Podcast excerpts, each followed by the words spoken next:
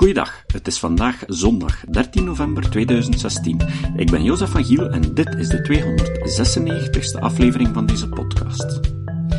Ik had jullie beloofd om nog enkele afleveringen te besteden aan creationisme en evolutietheorie. Wel, hier komt het. In februari heb ik op een discussieforum een bericht gezet naar aanleiding van de 40ste verjaardag van de publicatie van het boek De zelfzuchtige genen van Richard Dawkins. Ik wou daarmee nog eens het belang van deze bevinding in de kijker zetten. Maar het duurde niet lang of een creationist reageerde op mijn bericht dat Dawkins en anderen een geloof hebben in wat zij evolutie noemen, iets wat nooit bewezen zou zijn. Het vervolg was een vrij lange discussie. In die discussie heb ik geprobeerd om zijn argumenten op een zo systematisch mogelijke manier te beantwoorden. Het heeft me wel wat werk gekost, maar ik denk dat ik uiteindelijk een vrij goede bloemlezing heb gegeven van het bewijsmateriaal voor de evolutietheorie. Ik heb hem ook zoveel mogelijk referentiemateriaal ter beschikking gesteld. Dat referentiemateriaal vind je dan ook op de notitiepagina van deze reeks afleveringen. De discussie liep in het Engels en mijn gesprekspartner was van Zuid-Afrika en hij was het Engels niet zo machtig. Rick en ik hebben de volledige tekst vertaald en geprobeerd om de tekst zo goed mogelijk weer te geven, zonder zijn intentie te vervormen, maar zijn slechte Engels maakte de oefening niet eenvoudig. Vandaag en in de komende afleveringen horen jullie deze discussie. Voor alle duidelijkheid, ik maak me geen illusies dat ik hem heb kunnen overtuigen. In feite is rationele argumenten aanbrengen niet de beste manier om iemand van gedachten te doen veranderen. Een veel betere methode is de Socratische methode. Hier komt het eerste deel. Jozef, 22 februari. Vorige maand, januari 2016, was het de veertigste verjaardag van de publicatie van het boek De zelfzuchtige genen van Richard Dawkins. Dat was misschien wel het belangrijkste boek uit de twintigste eeuw over evolutie. Iedereen zou dit boek moeten gelezen hebben, en ik hoop dat je hiervan overtuigd zal zijn aan het einde van dit bericht. In dit boek voegde Dawkins een tamelijk revolutionair inzicht toe aan de evolutietheorie. Zoals iedereen weet, wordt evolutie aangestuurd door drie wetten. Reproductie met overerving, de kinderen erven hun eigenschappen van hun ouders. Variatie, de kinderen zijn niet identiek, maar zijn lichtjes verschillend ten opzichte van elkaar en van hun ouders. En, natuurlijke, selectie, door de beperking van de bronnen is er een competitie tussen de soortgenoten voor deze bronnen en de best aangepaste zal de meeste kans hebben om te overleven en bij gevolg in staat zijn om zijn eigenschappen over te dragen naar de volgende generatie. Tot zover oké. Maar Dawkins postuleerde in zijn boek dat dit mechanisme eigenlijk niet werkt op soorten, maar in tegendeel op de genen. Merk op dat Darwin onmogelijk tot zijn conclusie was kunnen komen om de eenvoudige reden dat genen en DNA in zijn tijd onbekend waren. Volgens Dawkins zijn soorten enkel vehikels voor de genen waarmee ze hun reproductie verzekeren. Dit gewijzigd inzicht legde veel beter de verschillende effecten uit die we in de natuur zien. Een van die zaken is het bestaan van altruïsme, zoals Dawkins in een volledig hoofdstuk van het boek uitlegt. Mensen die dus argumenteren dat Dawkins beweerde dat evolutie noodzakelijkerwijs zelfzuchtig genereert, hebben alleen de titel van het boek gelezen en niet de inhoud. Het boek vertelt je net het tegengestelde. Ook het bestaan van virussen, die het reproductiesysteem van een gastheer gebruiken voor hun eigen reproductie, worden beter uitgelegd met het genenmodel van Dawkins. Maar een ander interessant concept dat Dawkins in zijn boek introduceerde, was dat van de meme. Hij beargumenteerde dat culturele entiteiten, zoals ideeën, gereedschappen, geloven, grappen, religies, gewoontes enzovoort, ook de wetten van de evolutie volgen. Om dit concept te beschrijven, bedacht hij het woord meme als basisconcept van zo'n culturele entiteit. Hij beargumenteert dat memen ook een proces van reproductie en variatie doorlopen. Hun natuurlijke habitat is niet de wereld, maar onze breinen. Ook hier zijn de bronnen beperkt. Mensen kunnen namelijk maar een beperkt aantal concepten in hun hersenen vasthouden. Bovendien moeten die concepten zorgen dat ze in andere hersenen terechtkomen voor de eigenaar van de hersenen overlijdt. Bij gevolg strijden de memen om hun voortbestaan in die zin dat de best aangepaste memen aan andere mensen zullen doorverteld worden, zodat ze kunnen voortbestaan. Net zoals genen in dieren en planten recombineren memen om nieuwe culturele entiteiten te vormen die beter aangepast zijn om zichzelf te reproduceren. Bijvoorbeeld, een grap kan lichtjes aangepast worden en daardoor succesvoller worden. Dat zal ervoor zorgen dat de grap meer zal herhaald worden en overleven. Ze kan ook een wijziging krijgen waardoor ze niet meer grappig is en dan zal ze uitsterven. Dit inzicht wordt nu meer en meer gebruikt om uit te leggen waarom veel overtuigingen die zinloos of zelfs schadelijk zijn voor de mensen die ze houden, toch succesvol blijken. Ze bevatten veel memen die hen immuun maken voor uitsterven, zoals bijvoorbeeld appelleren op angst. Olivier, 7 maart. Hi Jozef, ik ga dit boek in mijn leeslijst plaatsen. In verband met hetzelfde onderwerp kan ik je het boek Sapiens van E.N. Harari aanraden. Er is een hoofdstuk gewijd aan het belang van vertrouwen en geloven in de menselijke beschavingen en hun evolutie. François, in antwoord op Olivier op 8 maart. Richard Dawkins en anderen houden zich bezig met een geloof dat evolutie genoemd wordt. Het idee dat gelijk welk proces van veel vallen en opstaan progressieve destructie of progressieve verbetering zal ondervinden. Maar elke verbetering, direct of progressief, is onmogelijk zonder een of andere intelligente bron, direct of indirect, dat het proces naar verbetering begeleidt. Dit betekent dat ideeën, werktuigen, geloven, grappen, religies en gewoonten in feite niet de wetten van evolutie volgen, maar eerder die van intelligentie. Zoals we allemaal weten is evolutie geen ontwerp of intelligentie, zoals verkondigd wordt door de gelovers van dit valse geloofssysteem dat evolutie genoemd wordt. Het is maar iets om over na te denken.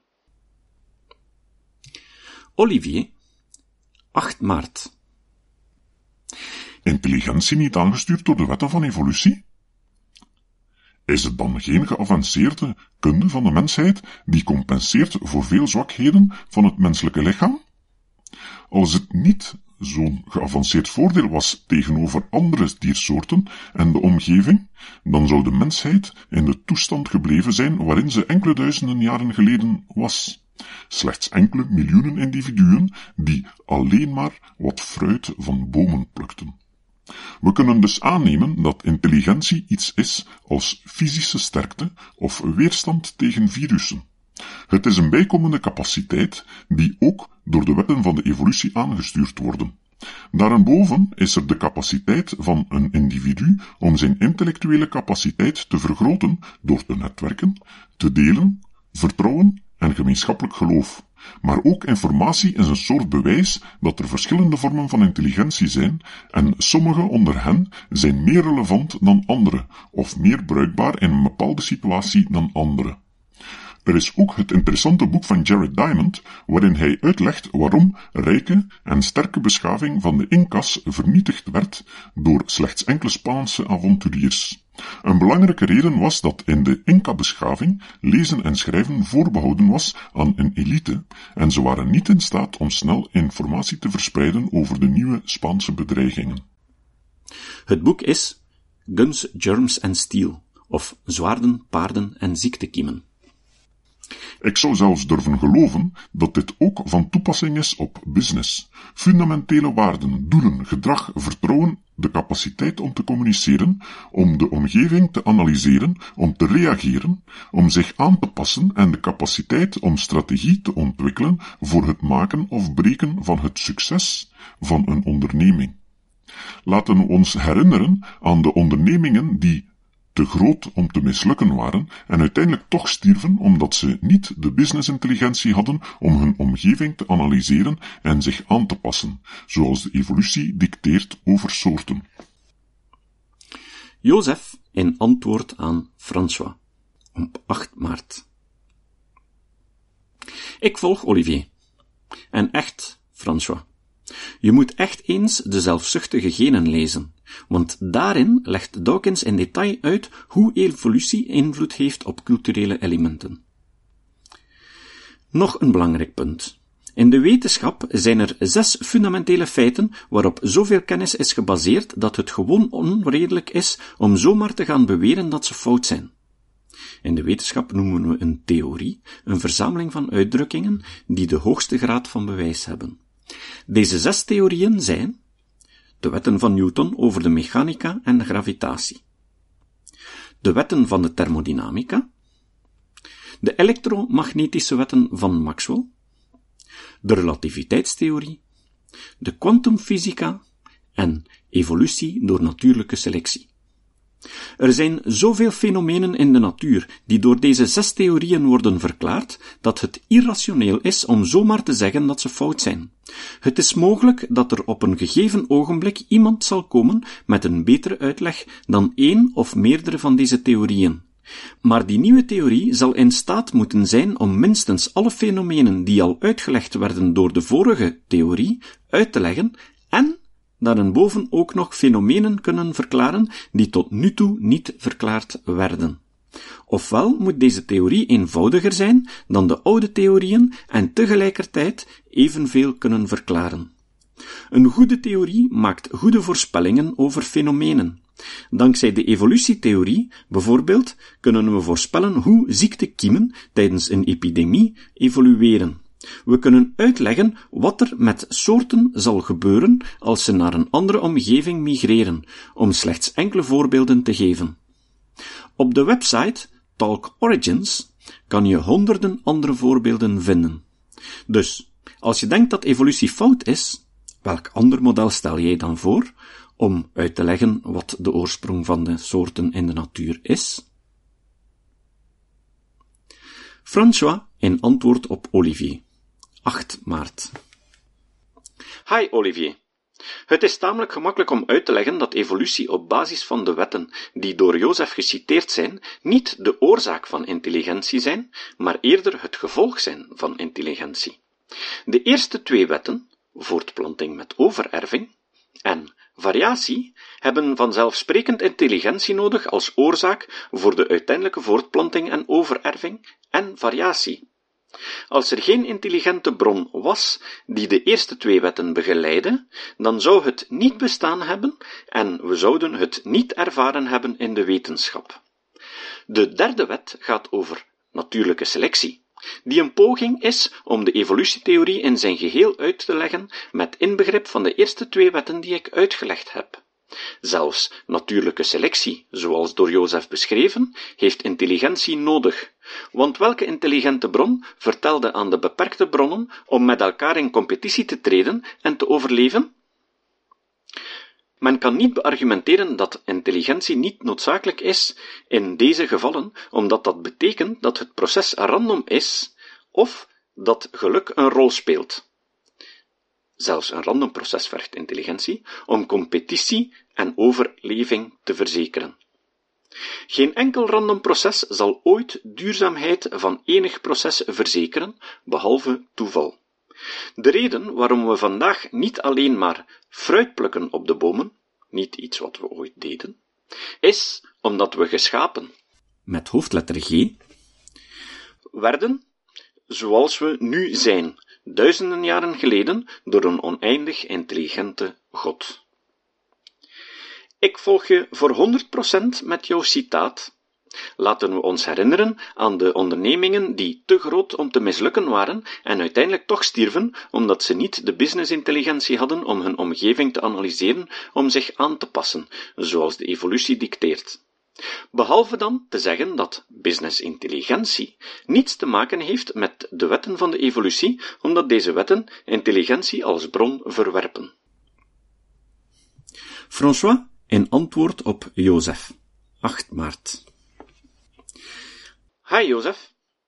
Evolutie kan geen impact hebben op culturele elementen, want het zijn culturele elementen die impact hebben op evolutie als men naar zijn omschrijving kijkt, en niet omgekeerd. Ik ben 100% akkoord met jou over de eerste vijf feiten in de wetenschap, en ik heb nooit gezegd dat ze fout zijn. Maar de zesde, zogenaamde evolutie, is volledig in strijd met de eerste vijf, want de eerste vijf zijn meetbaar, testbaar, herhaalbaar en geven duidelijk een indicatie van een externe intelligentie voor hun bestaan. Evolutie past in geen enkele van de karakteristieken van deze eerste vijf wetenschappelijke feiten. Daaruit volgt dus dat het fout is om te zeggen dat evolutie ook een feit is. Waar en fout kunnen nooit mixen, omdat ze te ver van elkaar staan.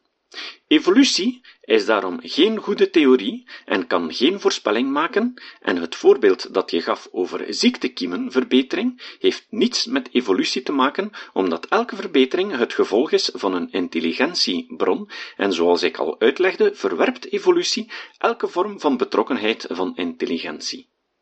Hetzelfde geldt voor de migratie van soorten naar een nieuwe omgeving.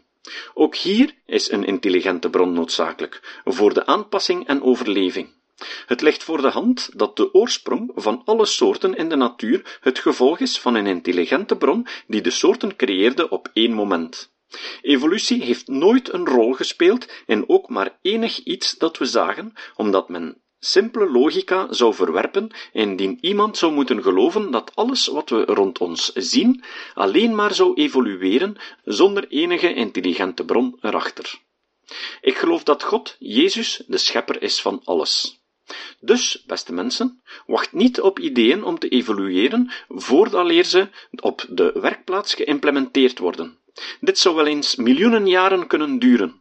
Gebruik gewoon je intelligentie om een snelle verbetering te verzekeren op een relatief korte termijn.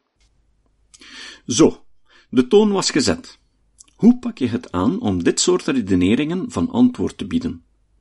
Volgende keer horen jullie hoe ik hierop heb geantwoord. Het citaat. Het citaat van vandaag komt van professor Nummendaal.